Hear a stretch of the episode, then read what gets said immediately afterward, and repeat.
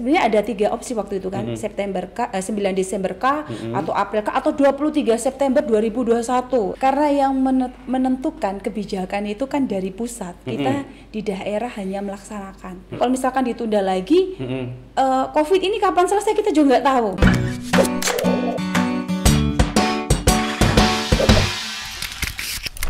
Sesuai tema kita, kita ingin memastikan ya judulnya obrolan kita hari ini adalah siapkah pilkada Kepri di tengah pandemi. Benar banget. Ini kan ya. lagi rame, Rame. iya kan? Di Ini Batam new khususnya normal, ya. ada Uh-huh. istilahnya new normal. Tapi ketika ng- ngomong new normal, kasus-kasus COVID baru bermunculan. Mm-mm. Ini kan perlu kita pastikan bagaimana nih.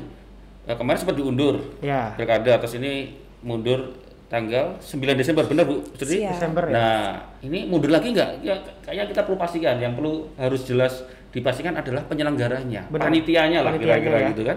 Siap nggak? Siap. Izin Bu, nanti kita ngobrol-ngobrol soal itu. siap ya, agar teman-teman Tribuners, warga masyarakat di Batam, Kepri khususnya Tahu apa, dan update ya informasi-informasi terbaru mengenai pemilihan yang akan kita laksanakan nanti nih Bu. nih. siap Mm-mm. Bu Sri langsung aja Bu. Persiapan eh, panitia KPU khususnya untuk pilkada Desember ini sudah sejauh mana Bu? Eh, Alhamdulillah, jadi kita bersama-sama sudah mengikuti rapat dengar pendapat, kemudian kita juga sudah eh, men- apa me- mengeluarkan P- eh, KPU sudah mengeluarkan PKPU 5 tahun 2020 25. di mana itulah sebagai dasar kita untuk melaksanakan pemilihan yang sebelumnya eh, 23 September akhirnya ditunda menjadi 9 Desember, Desember. 2020. Nah, Oke. PKPU 5 ini yang baru pertama kali diundangkan terkait dengan tahapan program dan jadwal pemilihan gubernur, eh, bupati dan wali kota. Itu baru adalah PKP pertama. Untuk eh, karena ada perubahan, ini adalah perubahan kedua atas PKPU 15 tahun 2019 terkait dengan eh, apa namanya perubahan tahapan di era pandemi atau Covid ini. Oh oke, Bu. Berarti ini lagi lagi sibuk-sibuknya ya. Ini memastikan ini harus, ya kan? Iya, karena startnya memang sesuai dengan uh, PKPU 5 tahapan tuh dimulai 15 Juni. 15 Nah, Juni kemarin ya. 15 Juni dan harus itu running. adalah awal tahapan 15 Juni saat itu juga harus sudah dilantik panitia badan ad hoc kita. Oke, Ya. dan sudah BPS. sudah. Alhamdulillah sudah Se- dilantik siap. semua dan alhamdulillah selesai dan lancar Mm, itu mm, saja. mm, mm, mm. Bu, ini kan sudah ditetapkan 9 Desember. Terus ini eh, isa- ada kelonggaran kelonggaran terkait dengan eh, apa eh, COVID-19. Orang udah mulai ini. Tapi Iya. di di lapangan kan banyak banyak banyak kasus-kasus baru. Ini Iya. muncul kasus-kasus positif eh, COVID-19.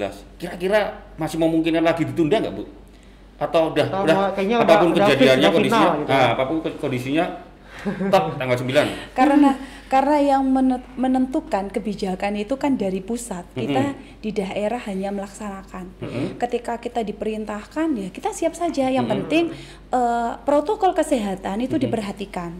Dalam arti jangan sampai nanti eh, kita selaku penyelenggara juga di situ ada penyelenggara, ada pemilih, ada kandidat. Jadi itu harus benar-benar diperhatikan protokol kesehatannya. Ya. Jadi walaupun kita melaksanakan eh, pilkada di masa pandemi, tetapi kita harus ingat bahwa ada protokol kesehatan yang harus dipenuhi. Lah itu Kayaknya sebenarnya. kon- concernnya jadi pilkada tahun ini memang di protokol kesehatan ya? Benar.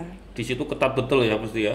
Semuanya diatur. Diatur Semuanya betul. Ya, Oh. diatur semuanya. Jadi kita tidak bisa serta merta seenaknya sendiri ya benar. bahasanya, Iya. bahasanya. Tapi ada eh, tahapan-tahapan memang yang harus diperhatikan. Dan Oh, ada sistem-sistem baru juga yang harusnya diterapkan ya dengan kondisi seperti ini ya. Iya.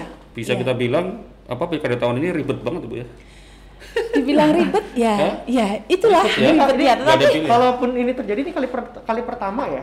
ya Apa? dalam sejarah ya, Iya. dalam sejarah eh, pemilihan Heeh. ya, dalam sejarah pemilihan inilah yang kita rasakan ketika eh, di era pandemi, maksudnya bencana non alam Bencana gitu alam, lah benar. yang yang harus kita lalui ya. Bagaimana lagi memang kondisinya seperti ini.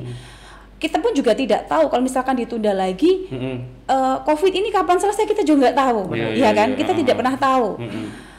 kapan eh, COVID ini akan berakhir. Tetapi kita ada cara-cara yang mungkin yang lebih eh, baik, yang lebih eh, bagus untuk melaksan- tetap melaksanakan pemilihan, tetapi yaitu tadi mengikuti eh, protokol kesehatan yang Iya. sudah ditetapkan. Pilihannya ya harus beradaptasi. Kalau nggak beradaptasi ya ya nggak jelas. Iya. Jangan-jangan Iya. nggak kalau hanya nungguin COVID-19 selesai ya mungkin nggak akan jalan-jalan pilkada Bu ya. Benar. Iya. Karena nanti setahun dua tahun juga masih gini-gini aja kita nggak tahu.